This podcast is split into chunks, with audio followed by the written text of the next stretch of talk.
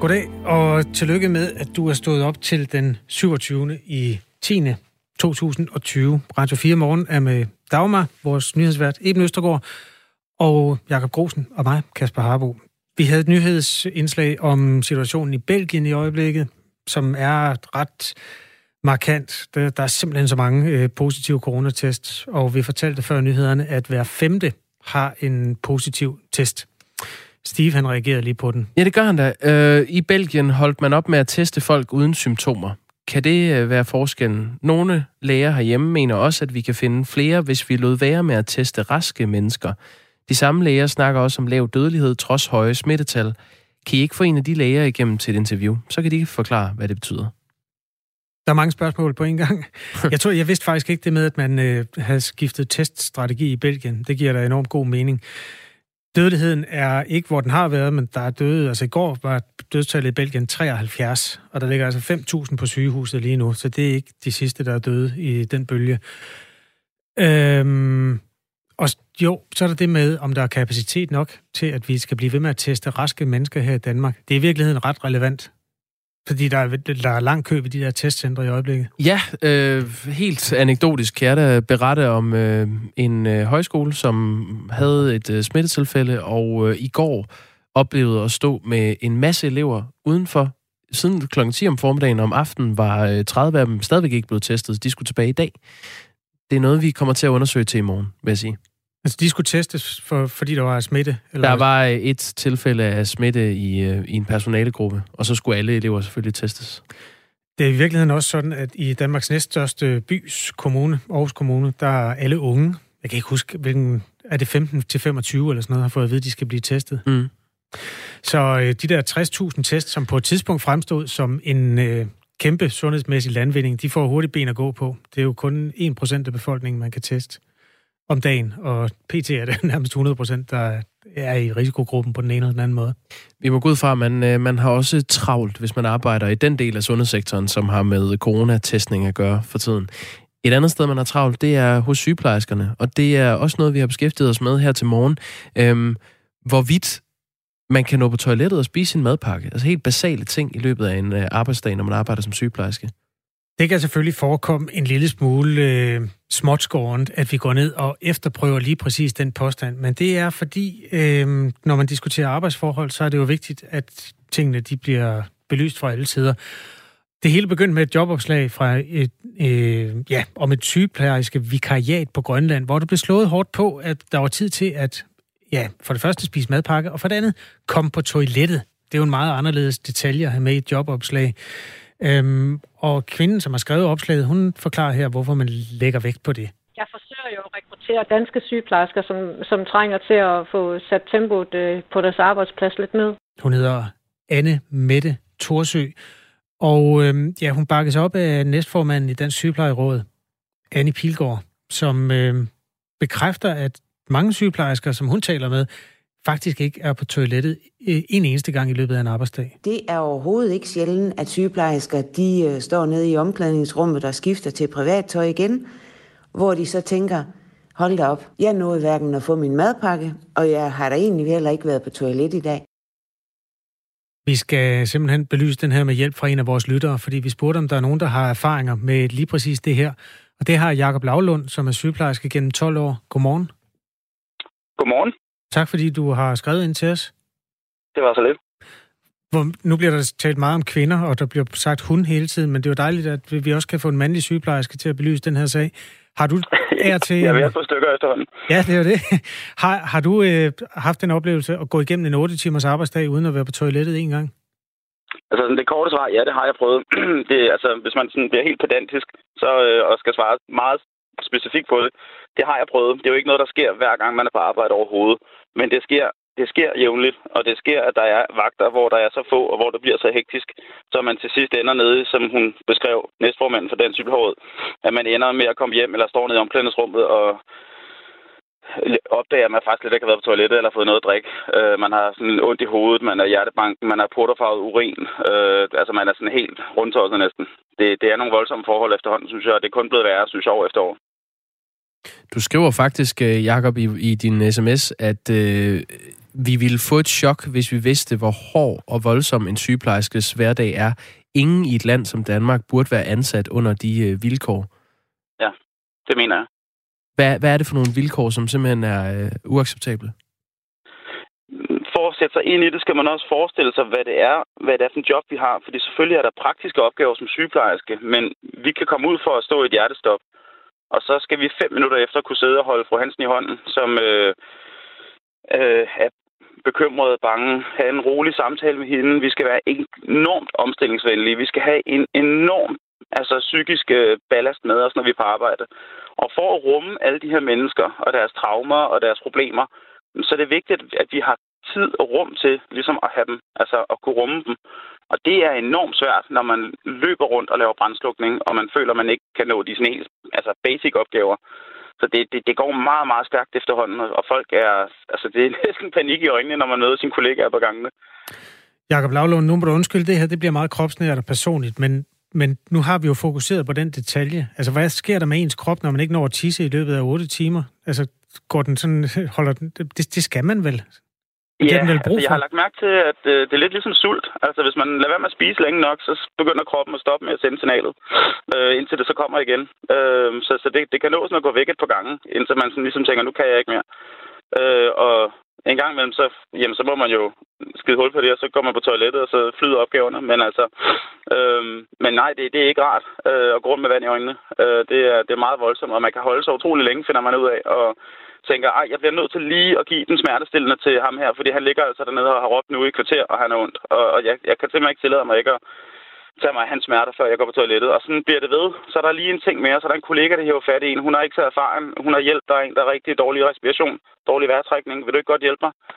Så tænker man, åh, oh, fuck, øh, jo, undskyld, jeg siger et ord her i radioen. Så siger man, øh, jo, det vil jeg gerne lige gøre. Så det er hele tiden et eller andet, som der bliver trukket på en, og en samvittighed, du ved, den, den, den er svær at, at lægge til side. Hvor arbejder du egentlig? Øhm, jeg har det sidste år arbejdet, eller jeg har i 12 år arbejdet på Rigshospitalet. Det sidste år var det i det interne vikarbrug, fordi jeg sagde min faste stilling op øhm, på nefrologisk på Rigshospitalet, men det var på grund af nogle personlige familiemæssige årsager, der gjorde, at jeg ikke længere kunne arbejde i blandede vagter. Så jeg blev nødt til selv at ligesom kunne styre mine vagter en periode. Blev så, det, bedre, øh, blev det, det værre eller bedre på... af det, det, efter du skiftede til det her vikarbyrå?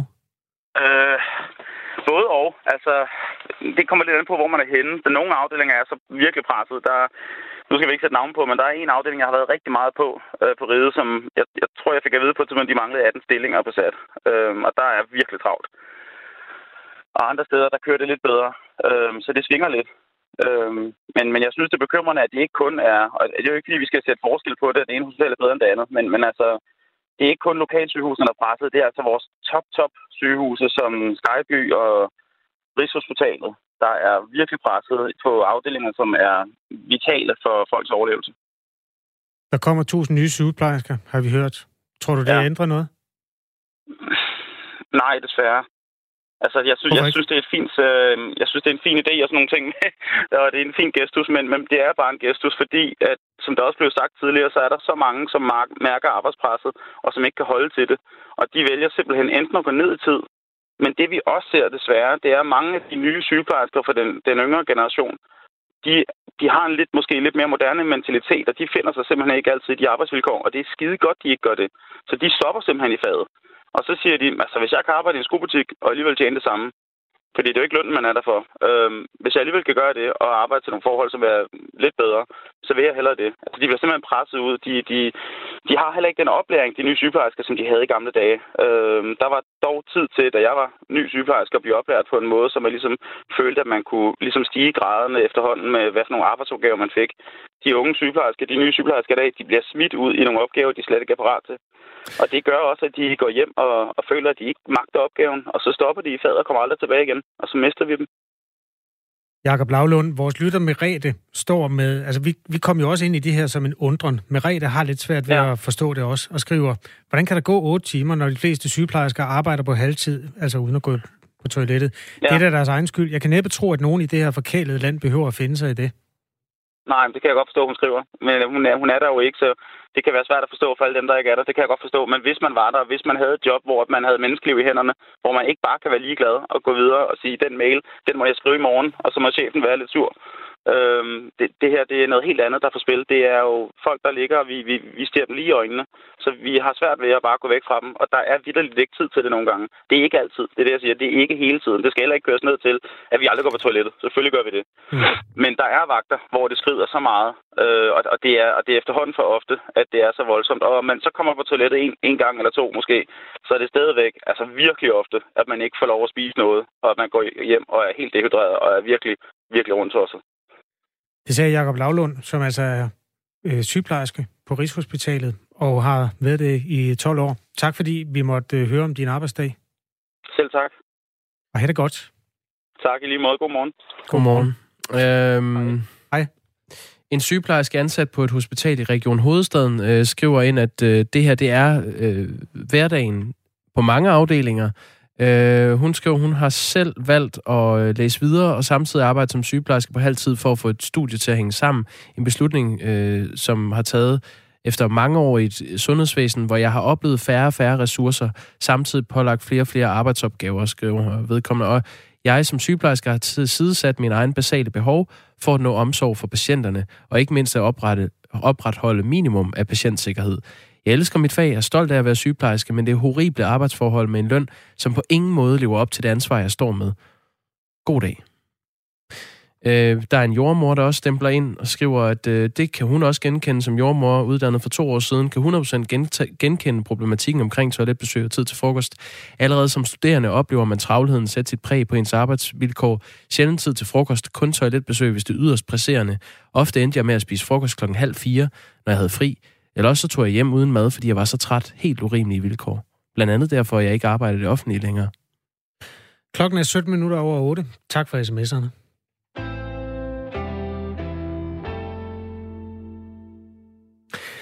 En af de helt store historier her til morgen er, at Inger Støjberg, næstformand i partiet Venstre, blander sig i MeToo-debatten. Øhm, det er ikke første gang. I september var hun ude og sige, at øh, MeToo-bevægelsen var, citat, at gå over gevind. Nu fortæller Inger Støjberg, at øh, der efter hendes opfattelse mangler retssikkerhed for mændene. Det fortæller hun på TV2 News. Der er reelt ingen retssikkerhed øh, fra, fra mændenes side i den her sag. Og det bliver vi altså nødt til at sikre, at der er, fordi ellers så kører det her fuldstændig af sporet, og så bliver problemet nemlig, at de sager, der virkelig er alvorlige, der får man ligesom trukket alvoren ud, og det må ikke ske.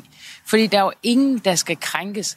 Men omvendt set, så bliver det altså også nødt til at være sådan, så mændene også har en retssikkerhed. Fordi vi kan jo se, der er jo mænd nu, der jo mister deres job, deres familier kan gå i opløsning. Der er børn øh, indblandet i alt det her også. Så man bliver altså nødt til lige at få taget tempoet en lille bitte smule ud af det her. Det sagde Inger Støjberg. Ja, og er det Venstres holdning, eller er det kun Inger Støjbergs holdning? Det har vi forsøgt at få øh, svar på hele morgenen. Vi vil sådan set gerne have haft Støjberg igennem. Vi har ringet til Venstres pressetelefon hele morgen igennem. Øh, samtlige pressemedarbejdere og pressechef. Der var ikke hul igennem. Vi har søgt, forsøgt at få fat på Inger Støjberg øh, selv. Hun har desværre ikke tid til at medvirke, meddelte pressesekretæren os. Der var heller ikke hul igennem til Venstres formand, øh, Jakob Ellemann Jensen. Han vil jo kunne fortælle, om det var Venstres holdning. Ham kan vi heller ikke få igennem til. Vi ringede til øh, Folketingsgruppens ledelse, øh, alle inklusiv. Altså det er gruppeformanden, det er gruppe næstformanden, gruppesekretæren, politisk ordfører, medlem af Folketingets præsidium. Ingen kontakt. Ligestillingsordfører Fatma Øgtem, uden held. Malene Ambo Rasmussen, familieordfører, trivselsordfører, heller ikke. Vi har dog fået en sms fra Linnea Søgaard Liddell, som er europaparlamentariker i partiet, og hun skrev, alle er jo enige om, at krænkelser skal tages alvorligt. Alle er også enige om, at retssikkerheden skal være til stede. Så udtrykker vi det forskelligt. Jeg tror, det er vigtigt med en åben debat om det her emne. Øhm, vi fik et svar fra Karen Ellemann. Hun er jo medlem af Folketingets præsidium. Og hun skrev, tisk, god gamle Tsk, TSK. Og Anders Sand? Ja, ringer du rundt til hele Venstres folketingsgruppe og spørger om det her? Nå, det kunne hun virkelig ikke tage sig af. Om så har vi da fået to svar. Vi kan bare ikke rigtig få at vide, om, øh, om Venstre altså mener, at der ikke er retssikkerhed for, for mændene, og hvordan den her retssikkerhed så eventuelt skulle sikres. Men vi taler om Henrik Kvartrup senere, øh, BT's politiske øh, redaktør, kvart i for at få en forklaring på, hvad er det, der foregår i Danmarks øh, næststørste parti lige nu. Når vi ikke kan komme til at tale med politikerne, så må vi jo tale om politikerne. Det gør vi om cirka 25 minutter.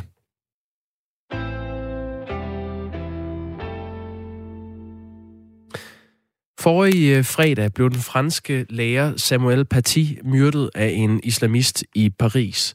Det var ifølge myndighederne et religiøst motiveret drab, hvor den 47-årige lærer blev slået ihjel. Og øh, læreren havde undervist om ytringsfrihed og havde vist Mohammed-tegninger til de elever, som ønskede det. Siden har den franske præsident Macron øh, offentligt kritiseret islamister og lovet at forsvare ytringsfriheden, som også tillader satiretegninger af profeten Mohammed. Og det har fået en række arabiske lande til at opfordre til at, at boykotte franske varer. Og i går brændte demonstranter så det franske flag af i den irakiske hovedstad Bagdad. Peter Viggo Jacobsen er lektor på Forsvarsakademiet og med her i Radio 4 morgen. Godmorgen. Godmorgen. Skal Vesten frygte en ny Mohammed-krise i kølvandet på det her? Nej, det tror jeg ikke rigtigt. Øh, jeg, jeg tror, at hvad det hedder, øh, den kære Erdogan, han, han råber og hvad det hedder, puster sig op, som han har gjort i tidligere konfrontationer. Øh, men jeg har svært ved at se, at det her skal udvikle sig yderligere. Øh, jeg tror først og fremmest, det her handler om, at Erdogan har set en mulighed for at øh, score nogle billige point på, på hjemmefronten, men også i den øh, muslimske verden. Hvad er det konkret, Erdogan han har øh, opfordret til? Jamen altså, så vidt jeg har forstået det, og han, jeg er ikke så god til tyrkisk, men så vidt jeg har forstået den, har han opfordret øh, folk til at lade være med at købe franske varer. Så det, så det er jo sådan lidt en opfordring, ligesom når vores statsminister siger, at vi skal, vi skal gøre et eller andet, men hun ikke vil indføre lovgivning for at, at tvinge os til det. Og det vil sige, at, at det er lidt svært for øh, den franske regering at svare igen øh, med anden øh, diplomatiske virkemidler i, i den lette ende, som vi har set med, øh, hvad det hedder, øh, Øh, hjemkaldelsen af den, den franske ambassadør. Efter det her drab, så sagde Macron, en borger er blevet dræbt i dag, fordi han var lærer, og fordi han underviste øh, i ytringsfrihed. Og øh, fredag blev Mohammed-tegningerne så processeret op øh, på bygninger i to byer i Frankrig som en, en støtteerklæring. Og det er så i kølvandet på det, at Erdogan lørdag sagde det her med, at Macron burde mentalt undersøges blandt andet, og, øh, og så opfordret til at boykotte de franske varer. Øh, hvorfor tror du, at, at Tyrkiet og andre mellemøstlige lande reagerer så stærkt på, på de her udtalelser fra øh, Emmanuel Macron? Jamen, jamen altså, det er jo ikke første gang. Vi har jo set hver eneste gang, at øh, tegninger er blevet genoptrykt. Øh, vi har også set det i en, i en dansk kontekst. Så er der øh, mennesker i den arabiske verden, der, eller i den muslimske verden, som har øh, taget anstød til det og bruger det i deres interne kamp for enten at positionere, positionere sig selv, eller for at, at det hedder udtrykke det, som de nu føler. Og der er jo nogen i den verden, som de alle sammen godt ved, som synes, at det er forkasteligt øh, af øh, religiøse årsager at, at vise de her tegninger. Det er, jo den, det, er jo den, det er jo den diskussion, det her går ind i, og derfor så er reaktionerne jo egentlig heller ikke så overraskende. Det er overraskende, at en statsleder øh, griber det andet som, øh, hvad det hedder, Erdogan gør, men det synes jeg, at Erdogan han sådan lidt har Trump som rollemodel.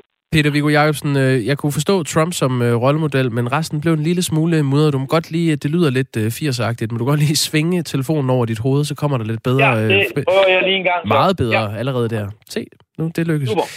Har, har vi set kulminationen på de mellemøstlige protester nu, tror du, med afbrændinger af det franske flag i, i Bagdad i går? Altså, det, det er jo selvfølgelig en lille smule svært at sige, men jeg tror, at det, man skal holde sig for øje, når man ser den her slags ting, det er, at sådan nogle konflikter, de får kun lov at eskalere, hvis der er nogen, øh, og især regeringer, der synes, at det er en god idé. Det så vi også i forbindelse med den danske Mohammed-krise. At det, så snart, at regeringerne ikke synes, at det skulle, det skulle udvikle sig yderligere, så bliver der sat en stopper for det.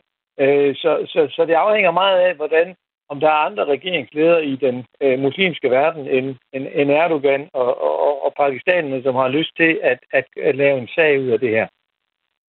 Peter Viggo Jacobsen, jeg ved ikke, om du har en holdning til det, men øh, vores lytter Lars Madsen skriver ind, vi skulle have vist Mohammed-tegninger i hele øh, Vesteuropa. Øh, hvad vil øh, muslimerne gøre ved det?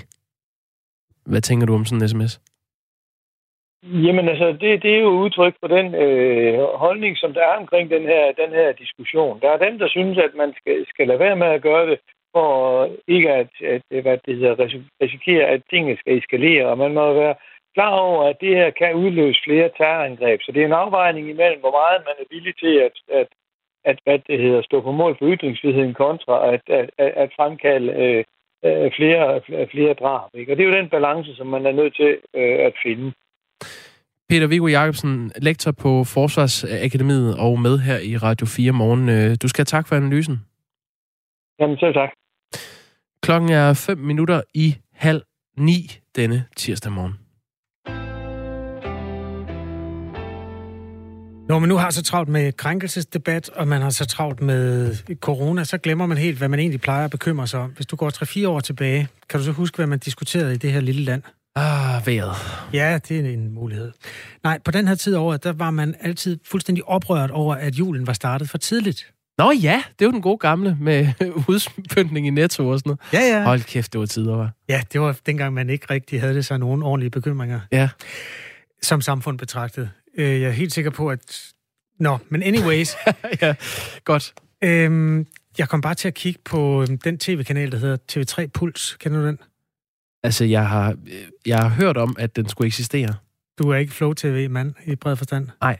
Nej, okay. 3 Puls er en af dem, der er i parken for det, der hedder NANT-gruppen, altså Nordic øh, Entertainment et eller andet. Ja. Og øhm, de sender simpelthen julefilm fra gulv til loft. Nu? Ja, nu. De har gjort det længe. Altså, øhm, for eksempel kan du tænde for TV3, når du har ikke TV3 Puls, vel? Du kan komme hjem til mig og se TV3 Jamen, jeg har via, jo, men altså forstået på den måde, at jeg har det, der hedder via Play. Måske. Jamen, du er godt stillet så. Sæt dig klar ved øh, iPad'en 1840. Der kommer et julehit.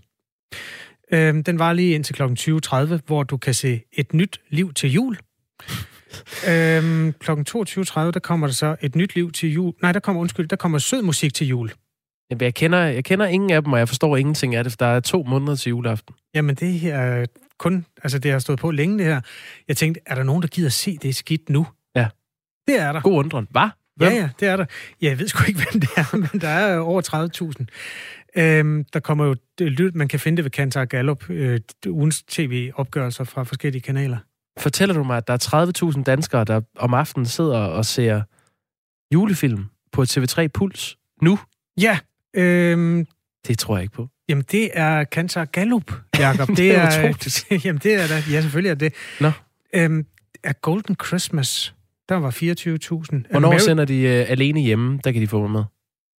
Det har jeg faktisk ikke undersøgt, men det er et super god undren. Jeg ved, at altså, der kommer den der sød musik til jul. Den Jamen. slutter øh, til midnat. Er det en dansk film, eller hvad? Det ved jeg ikke. Nej. Øhm, og så kl. 0.30, hvis du ikke gider se flere julefilm, så kommer der Det Lille Hus på prærien. Det er det, jeg, det, De det, har, jeg ved. de har fat i noget der. Jeg kan ikke, jeg kan ikke helt lure deres øh, seersegment, men et eller andet gør de jo rigtigt. Ja. Og det, Det- er jo ikke, man må ikke forveksle TV3 øh, Puls med TV3 Plus. Nej, TV3 Plus er jo en meget mere, om jeg så må sige, mandet kanal. Det er jo der, hvor de sender... Øhm, ja, jeg ved, de vil sende Champions League. Jeg ved faktisk ikke, hvad de bestiller resten af tiden. Sød musik til jul. Film har jeg lige googlet. Sød musik til jul på TV3 Puls den 27. i 10. 22.30. Det er jo det, jeg siger, Jacob. Ah, Det- Øhm, ja. Det, der er det sjove ved det her, er jo også, at hvis man lægger mærke til ud i detailhandlen, det var dem, der fik tæskene i gamle dage over, at de startede julen for tidligt. Mm.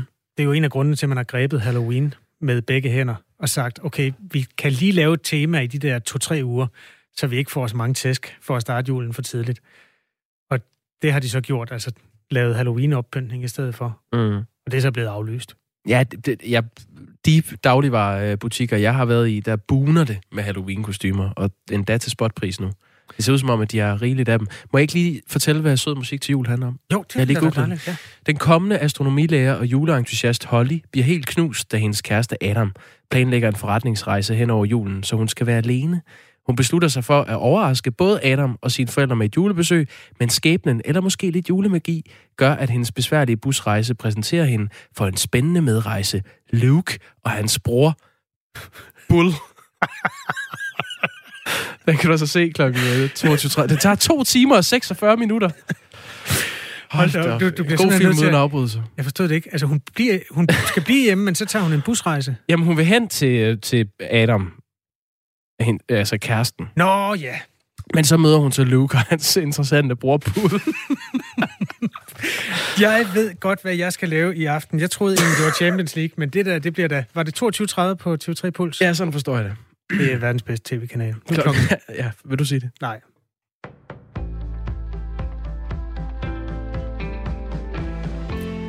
Otte tidligere ansatte på Københavns Rådhus er utilfredse med Frank Jensens undskyldning for en række krænkelsessager.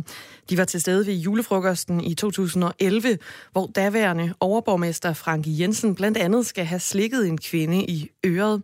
Utilfredsheden med Frank Jensens undskyldning har fået de otte kvinder til at henvende sig i et brev til Socialdemokratiets advokatordning.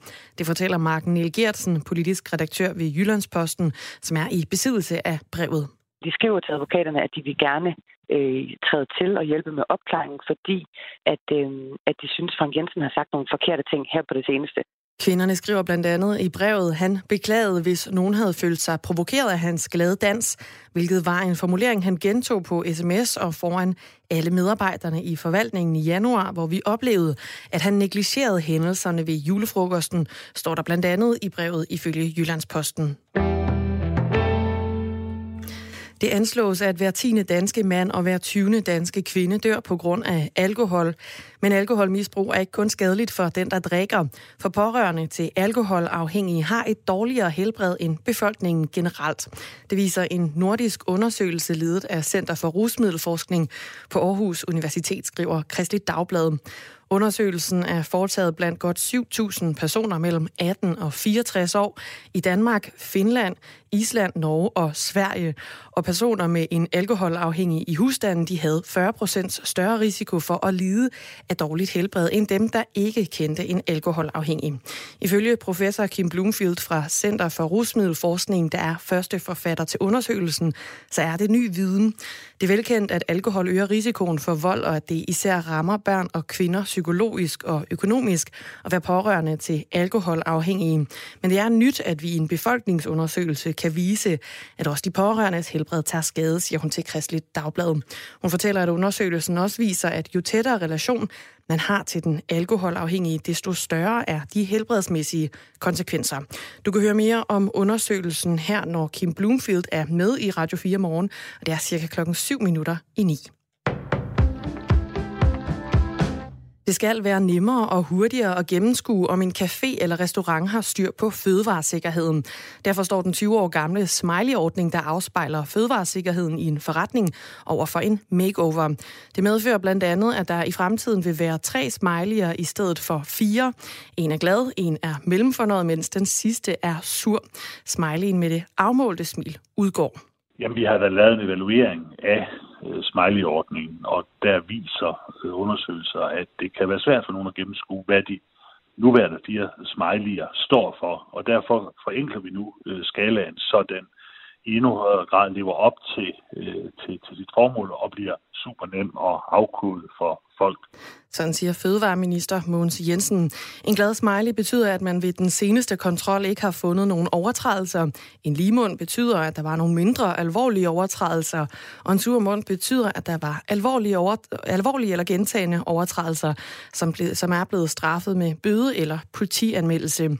Ændringerne til ordningen her ventes at træde i kraft i slutningen af 2021 eller i begyndelsen af 2022. Med det så kom vi frem til en vejrudsigt. Dagen byder på perioder med lidt eller nogen sol, men der er også mulighed for byer. Først på dagen dog kun i den vestlige del af landet, hvor byerne lokalt kan være med havl og torden. Temperaturerne de lander mellem 10 og 12 graders varme i dag, og vinden den bliver jævn til hård fra syd og sydvest ved vestkysten op til Kuling.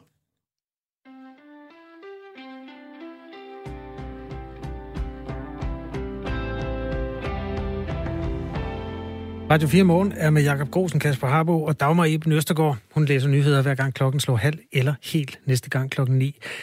Imellem underholder vi, eller hvad man nu skal kalde det, vi dækker aktuelle sager på forskellige vis. Blandt andet historien om, at øh, tv-kanalen TV3 Puls har et kæmpe optur over, at det snart er jul, altså om to måneder, og derfor sender julefilm fra gulv til loft. Der er flere sms'er fra lyttere, der stemmer ind her. Uh, jeg ved næsten ikke, hvilken en jeg skal tage først. Mik, uh, tag Mik. Mik. Der er fandme ikke mere plads på min tv-optagers harddisk. Min kone optager alt om jul. Fuck. Skål, Mik. Ja, det er hårdt. Silas, han har samme øh, udfordring. Min kæreste er julefreak. Vi var på ferie i Æbletoft i september. Der kunne hun købe julepynt. Og efter hvad I kan fortælle, får vi aldrig TV3 Puls, fortæller Silas. Ja, TV3 Puls, som altså med øh, julefilm fra øh, morgen til aften har 30.000 seere øh, hver aften. Og øhm, 30.000 seere, det får min kat, når den danser på YouTube, er der en lytter, der skriver. Og det fik mig til at, øh, at lige tage den her frem, øh, Kasper, fordi jeg har, jeg har simpelthen printet noget, vores statsminister har lagt på Facebook. Det er det seneste, hun har lagt på Facebook. Hun har brugt Facebook som øh, flittigt, som kommunikationskanal. Nu ser jeg, at du bygger en bro. Vi har snakket om julen. Der bliver nævnt en kat. Nu giver du mig et billede af en kat. Det er Mette Frederiksens kat. Ja, det... Hun har lagt op øh, den 25. oktober, altså for to dage siden. Det har været søndag. Sidder i sofaen og læser. Vores elskede kat har været væk siden i torsdags. Nu er hun hjemme igen og gået ud som et lys. God søndag aften. Ikke fint? 13.000 likes næsten. Ja, det er jo det, katte kan. Altså, jeg er jo allergiker, Jacob. Mit luftrør, det gør ligesom, det snører sig sammen, hver gang jeg ser en kat. Jeg kan ikke, for, jeg kan ikke så godt have det. Må jeg godt give dig billedet tilbage igen? Ja, du, jeg kan bekræfte du, du, faktisk se, du har helt røde øjne bare at sidde med det billede. ja, hvad? Nå, jamen jeg, egentlig så, så printede jeg det, fordi jeg synes, det var lidt... Øh, altså, hvorfor skal statsministeren dele sådan noget? Statsministeren har en, fået blik for, hvad det er, der optager mennesker i det her land. Jeg og hvis var hun, øh, hvis hun lytter med her, så Mette Frederiksen, læg noget på om julefilm. Så er der 30.000 mennesker, der går ind og liker det. Det ved jeg ikke. Altså, der er i hvert fald øh, katte-emojis med øh, hjerteøjne hele vejen ned i kommentarsporet. Hvor er det godt, hun er hjemme, og hun ser ud til at nyde det. Hun bliver så ked af det, når de er væk, og vi ikke ved, hvad der er hent dem. Det kan jeg som missemor skrive under på. Så Ja. der er altså, hun har fat i, i den lange ende der. Nå, var det ikke nok om det? Det var i den grad nok om det. Klokken er 24 minutter i 9, og vi kan da sige, at øh, nu fik Dagmar i Møstergaard, vores øh, nyhedsvært, sagt, at vi øh, får Kim Bloomfield på øh, til en historie om øh, betydning for alkohol og øh, øh, øh, ja, alkoholmisbrugers øh, misbrugs betydning for de pårørende. Det kommer vi ikke til at nå alligevel. Nej. Det kan vi lige så godt sige. Så hvis du sidder og venter på det, så øh, bliv hængende, fordi du kan vente på noget andet. Ja, det må man sige. Nu er der altså faktisk uh, breaking news. Ikke fra lige præcis denne her planet, men fra vores meget kendte drabant månen.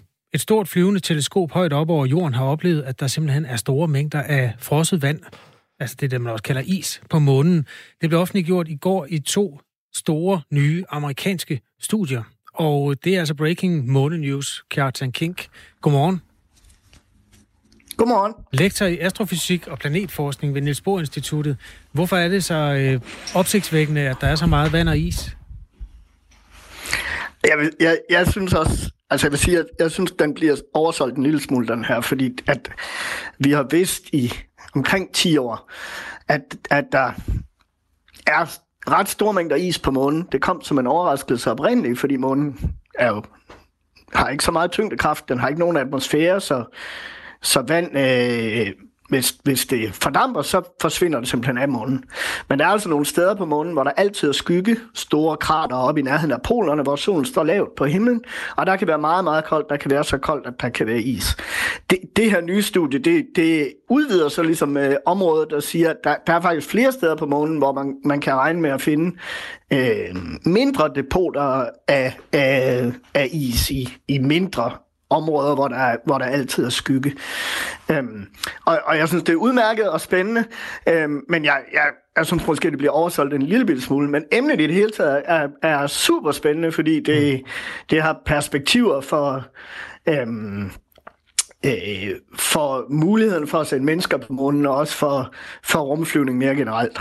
Ja, altså der er jo... Øh, månedændinger er jo på en eller anden måde i, i hvad skal man sige, i fremtidsporteføljen over ting, der skal ske på, i de forskellige rumfartsorganisationer. Hvorfor er det så vigtigt, at der er vand med deroppe, og at man dermed ikke øh, behøver at have det med fra jorden? Altså, der, der, der kommer mere og mere fokus på øh, det, som med et fint ord hedder øh, in situ resource utilization, altså at, at, at forsøge at udnytte ressourcer, som er til stede ude i rummet allerede, for at, at gøre det nemmere og billigere at flyve mennesker eller robotter ud i rummet. Øh, og der er et, den, en af de allermest oplagte ting er vand. Øh, og hvis man forestiller sig, at man skulle lave en månebase for eksempel, så, øh, så ville det jo være nyttigt, hvis man kunne udvinde, hvis man kunne lægge den i nærheden af et sted, hvor der var noget is, så man kunne simpelthen gå hen og udvinde vand, og dermed så kunne man øh, få vand lokalt på månen til alle de behov, som de her astronauter ville have, hvor de havde brug for vand, øh, og, og man behøvede ikke at hente det op fra jorden. Øh, det er jo sådan, at, at jordens tyngdefelt gør det enormt dyrt at, at, at løfte hvad som helst ud i rummet. Øhm, og hvis man kunne finde det lokalt på månen, var det jo nemmere, men også fra månen er det, er det nemmere og billigere øh, at løfte noget ud i rummet, end det er fra, fra jorden, så det kunne også være vand, som man hentede fra månen og bragt øh, til, ja, til en rumstation i kredsløbermånen eller et eller andet sted. Øh, og hvis man bringer det vand ud i, i rummet, man kunne også forestille sig, at man kunne øh, ved hjælp af noget energi fra nogle solpaneler eller et eller andet splitte det ad i de to bestanddele, brint og ilt, og så har man glimrende raketbrændstof, og det kunne man bruge til at genoptanke øh, øh, raketter, som, øh, som skulle videre ud i, øh, i solsystemet fra, fra jorden. Så der er nogle, nogle idéer der, og derfor så har der været rigtig meget fokus på det her vand på månen de sidste 10 år. Der er en lytter, der skriver, øh, at altså vedkommende undrer sig over, at der er ilt i det vand, som befinder sig på månen, fordi der er jo ikke, det er jo ellers et sted, hvor man skal lede længe efter ilten. Hvor, hvordan kan det lade sig gøre? Jamen, altså, der er jo ilt alle mulige steder. Der er jo også ilt i sten. Øh, altså, ilt er jo en, en hovedbestanddel i alt muligt. Fri ilt er, er sjældent ikke? på okay. månen og alle mulige andre steder, fordi ilt reagerer nemt med, med ting. Øh, jern ruster, og altså, der, et ilt er normalt, hvis ikke vi her på jorden havde træer, der stod og pumpede fri ilt ud i atmosfæren hele tiden, så, så, så øh, ville vi heller ikke have fri ilt i atmosfæren, fordi det er reagerende ting.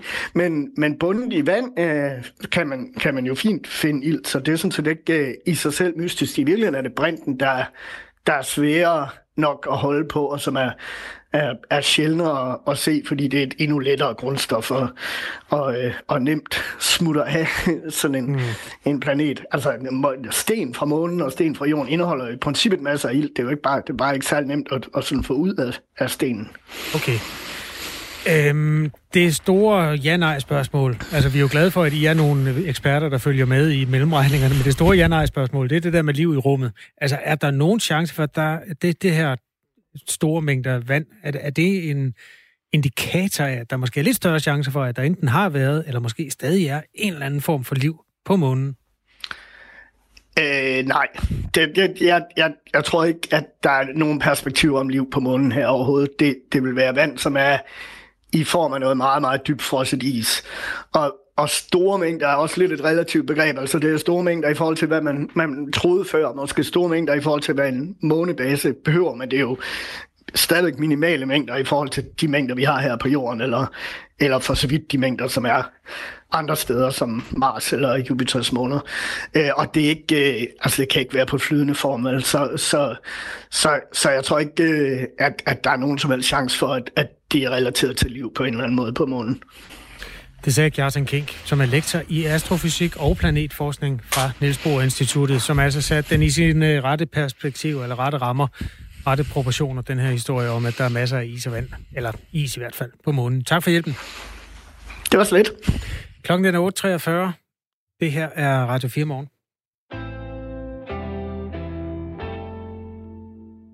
Godmorgen, Henrik Kvartrup. Godmorgen. Godmorgen. Politisk redaktør på BT. Vi skal tale med dig om øh, noget, øh, Inger Støjberg, altså fungerende formand for Venstre, har sagt på TV2 News øh, her til morgen. Lad os lige starte med at høre det. Der er reelt ingen retssikkerhed øh, fra, fra mændenes side i den her sag.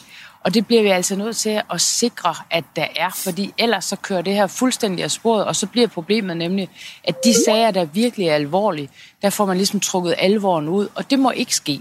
Fordi der er jo ingen, der skal krænkes. Men omvendt set, så bliver det altså også nødt til at være sådan, så mændene også har en retssikkerhed. Fordi vi kan jo se, der er jo mænd nu, der jo mister deres job, deres familier kan gå i opløsning. Der er børn øh, indblandet i alt det her også. Så man bliver altså nødt til lige at få taget tempoet en lille bitte smule ud af det her. Inger Støjberg mener altså, at mænds uh, retssikkerhed er troet i uh, MeToo-debatten, og det var også noget, hun, uh, hun udlagde på Facebook i aftes. Det er derfor, hun var på TV2 News her til morgen. Vi har forsøgt, det lykkedes ikke også, men vi har dig, Henrik Kvartrup, og det er også godt nok. Hvorfor, hvorfor siger Inger Støjberg sådan her lige nu?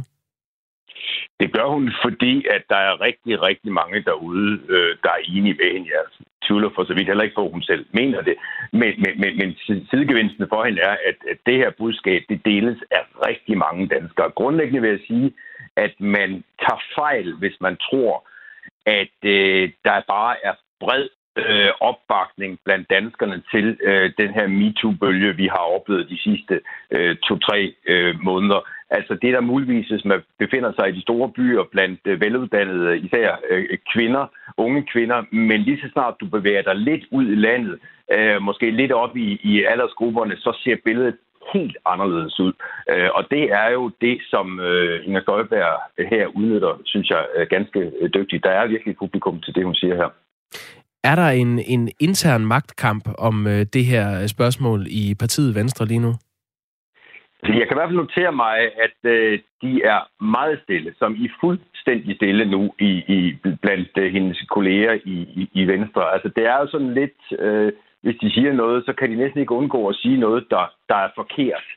Øh, altså, det er sådan lidt doomed if you do, doomed if you don't situation for Venstre, fordi øh, man kan, de kan godt sige, at de bakker fuldstændig op øh, om øh, Inger Støjberg, at det her er gået for vidt, men så skyder de med sikkerhed ganske mange øh, vælgere i byerne fra sig, kan godt gøre, skyde lidt pind efter og, og, og komme mere øh, ind der.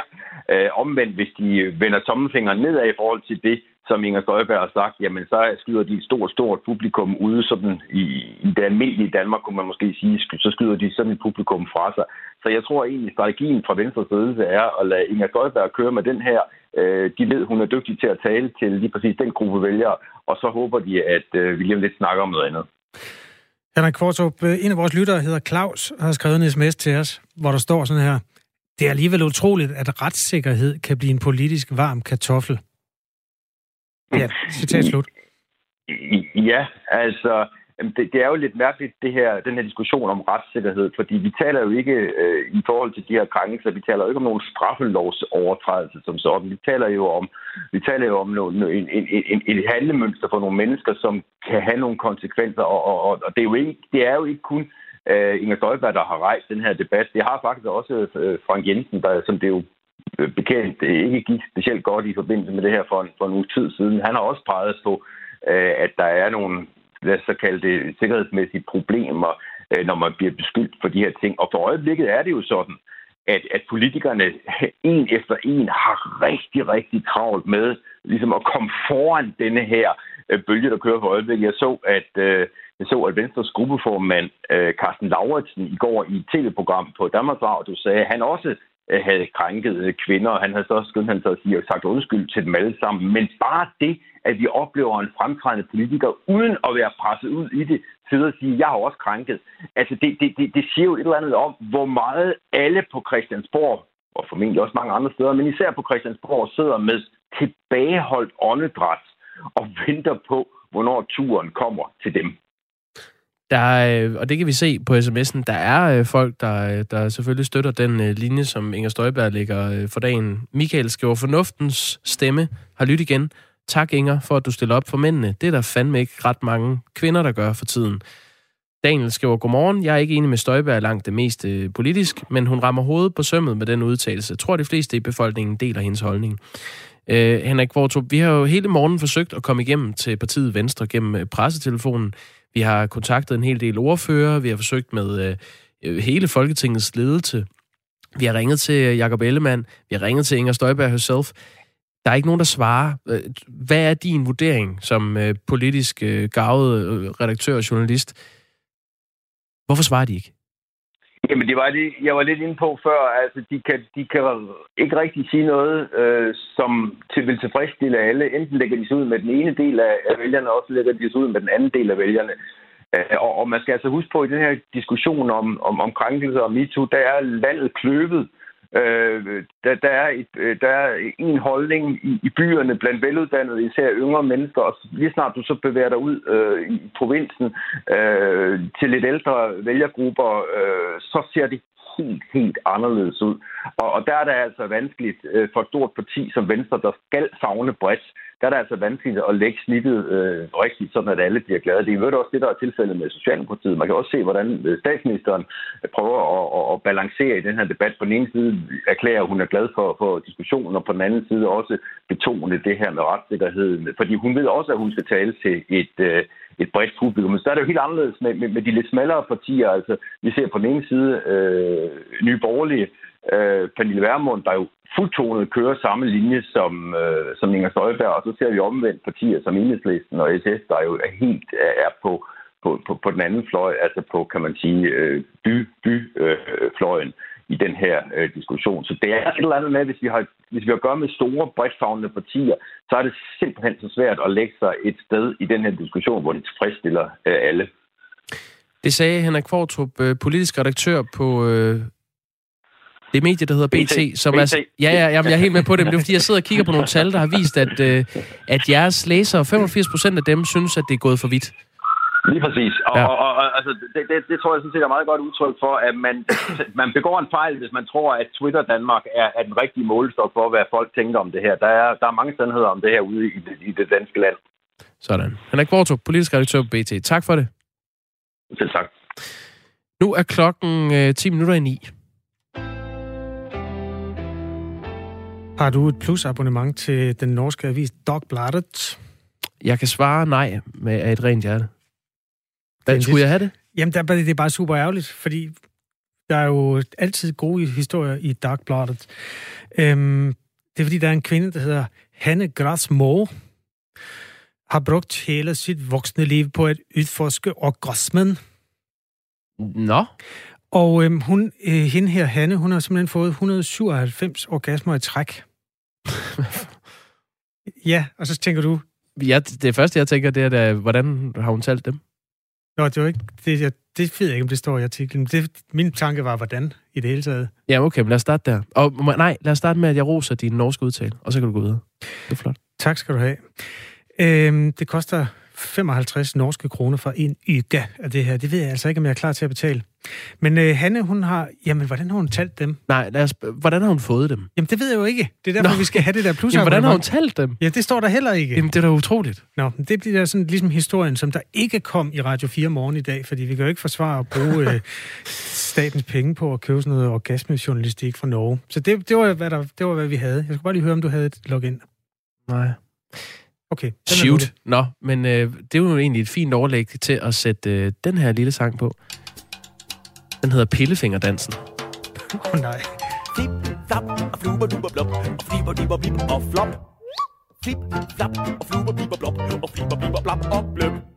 Stille, stille, stille. Pille, pille, pille. Kender du det? Stille, stille, stille. Mm. Ja, selvfølgelig. Sigurd Barrett. Det er ja, ja. fra Sigurds øh, bjørnteam. Det er pillefingrene. Det er sådan nogle øh, øh, bamser. Du har skruet øh. den alt for langt ned. Er der mere? Masser. Den må gerne ligge til.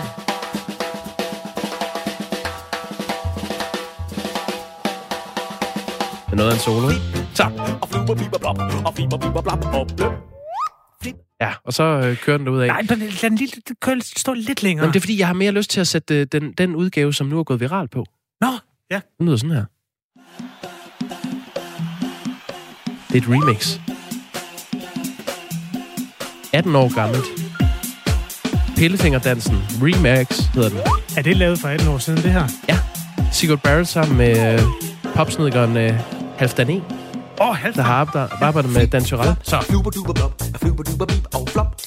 Flip, flop, fluber duber blop, fliber biber blop og bløb.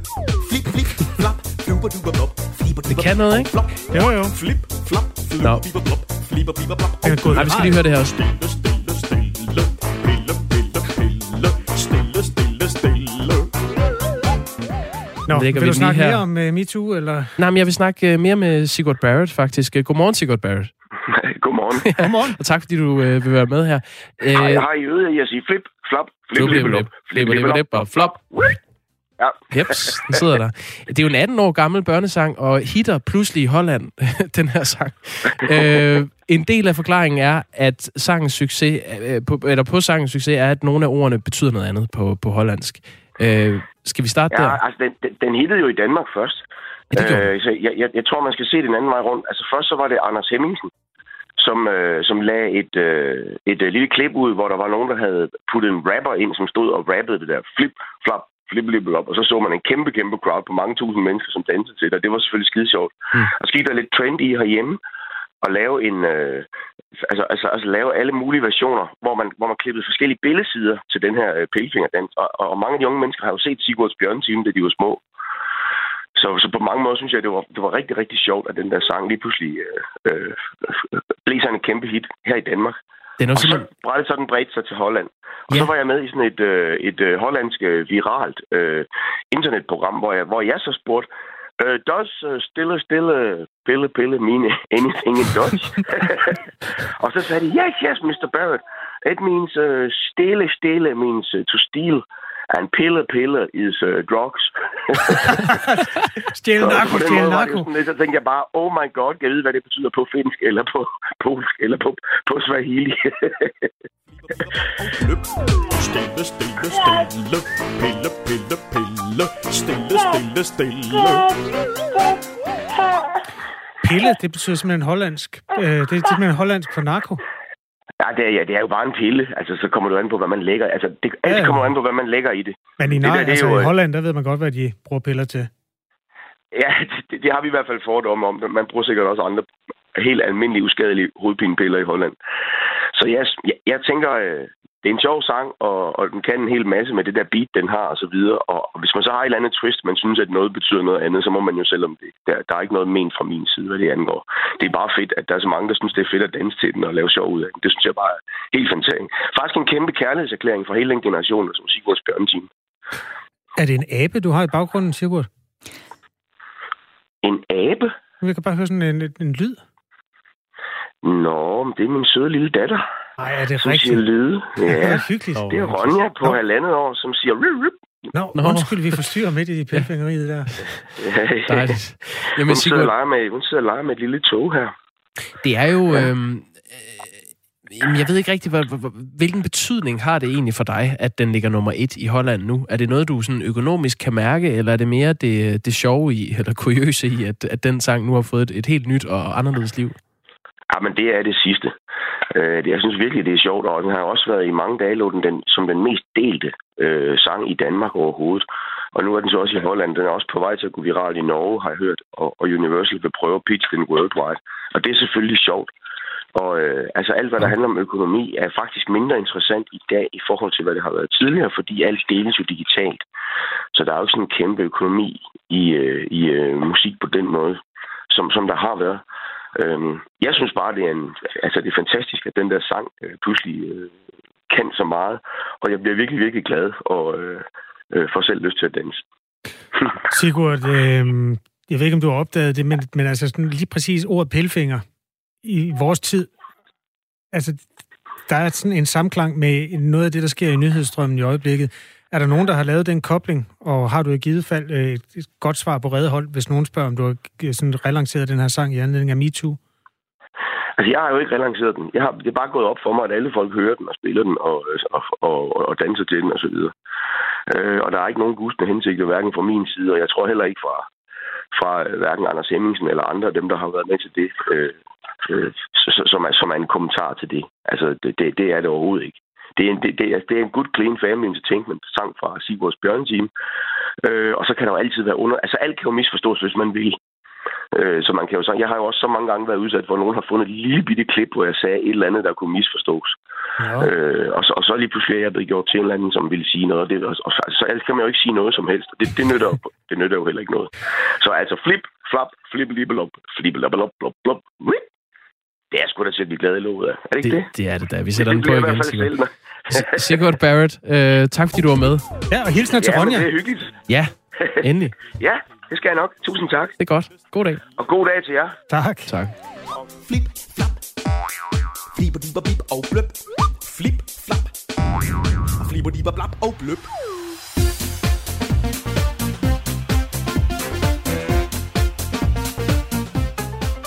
Jeg synes, etteren var bedre. Og den mere øh, analog udgave? Ja, den mere jazzede udgave, faktisk.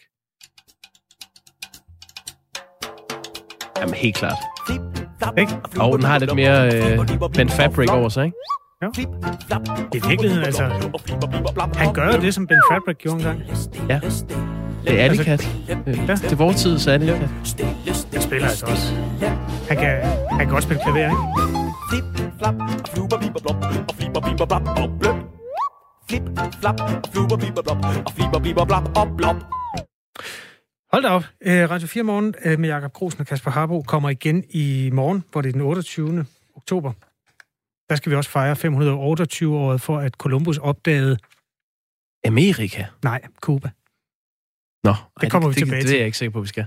Vi, skal, vi har redaktionsmøde lige om lidt, så ser vi, hvad der kommer i radioen i morgen. Ring til du om fem minutter. God dag.